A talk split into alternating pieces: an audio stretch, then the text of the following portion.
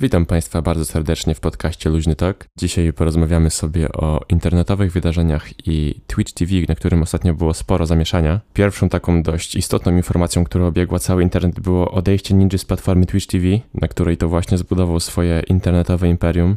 Pobił tam także liczne rekordy oglądalności, nawiązał wiele współprac z takimi bardzo znanymi firmami typu Red Bull i z pewnością była to bardzo opłacalna współpraca dla obu stron. Ale przechodząc już do głównego tematu, czyli odejście Ninja Twitch TV na platformę Mixer, która jest zarządzana przez firmę Microsoft, wywołała sporo kontrowersji w środowisku streamerów i zaczęły się pojawiać pytania, czy Mixer będzie może pierwszą taką poważną konkurencją dla Twitcha i na chwilę obecną widać znaczny wzrost ruchu na tej stronie. Pojawiła się masa nowych streamerów, nowych widzów, choć nadal nie są to liczby, które mogłyby w jakiś konkretny sposób zagrozić dla Twitcha, ale też nie zapominajmy, że minął dość krótki okres czasu od tego momentu wykupienia Ninja przez Microsoft, jeśli tak to mogę określić. I z pewnością mają długoterminowe plany dotyczące tej platformy, bo zaczęli naprawdę takim bardzo odważnym ruchem, czyli wykupienie największego streamera na Twitchu, który był taką powiedzmy twarzą Fortnite'a, czyli gry, która jest cały czas top 1. I wracając do samej inwestycji w Ninja przez Microsoft, tutaj były poruszane kwoty około 50 milionów dolarów, czyli jest to bardzo duża kwota. Nie wiem na ile jest to wiarygodne, bo nie były to stuprocentowe zaufane źródła. Ja osobiście byłem bardzo zaskoczony, bo bardziej bym podejrzewał kwotę około 5-10 milionów dolarów, ale kto wie, może faktycznie Microsoft wyłożył tak ogromne pieniądze na ten projekt.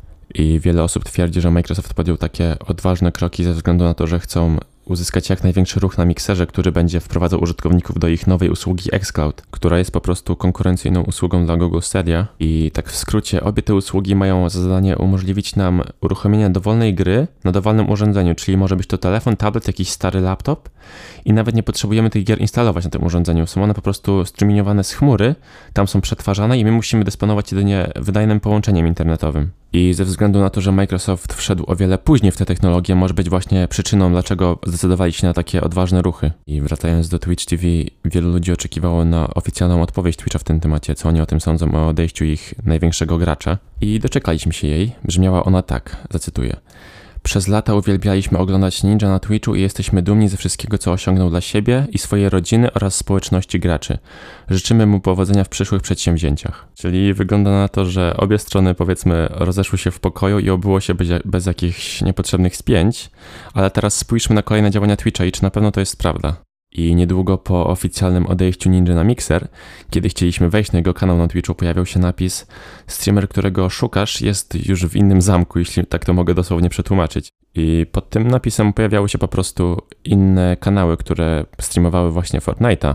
Ale tutaj zaczyna się robić ciekawie, bo jeden z tych promowanych kanałów streamował pornografię, która bardzo mocno uderza w regulamin Twitcha. I trzeba też wziąć pod uwagę to, że kanał Ninja odwiedza bardzo wiele osób nieletnich, co już powiedzmy, że parę dziesiąt tysięcy osób nieletnich mogło trafić na ten właśnie polecany stream, który nie był usuwany z Twitcha przez parę godzin. Wywołało to straszną burzę w internecie i Twitch bardzo mocno potem oberwał. W dodatku sam Ninja dodał na swoich mediach społecznościowych, że jest strasznie zdenerwowany całą zaistniałą sytuacją i że bardzo naruszyło to jego dobre imię. Sam Twitch ustosunkował się do całej zaistniałej sytuacji, stwierdzając, że dokładają wszelkich starań, aby takie incydenty już się więcej nie powtarzały. Na chwilę obecną kanał Ninja powrócił do normalnego wyglądu i już nie polecają tam żadnych innych kanałów. Aczkolwiek po tym całym zajściu Twitch stracił bardzo wiele w oczach społeczności i wielu streamerów ogłosiło, że zaczęli naprawdę rozważać przejście na Mixer po tym całym nieprzyjemnym zajściu. Według mnie Twitch dawno powinien już zacząć pracować nad algorytmami, które będą automatycznie po prostu wykrywać i banować takie streamy z treścią dla dorosłych.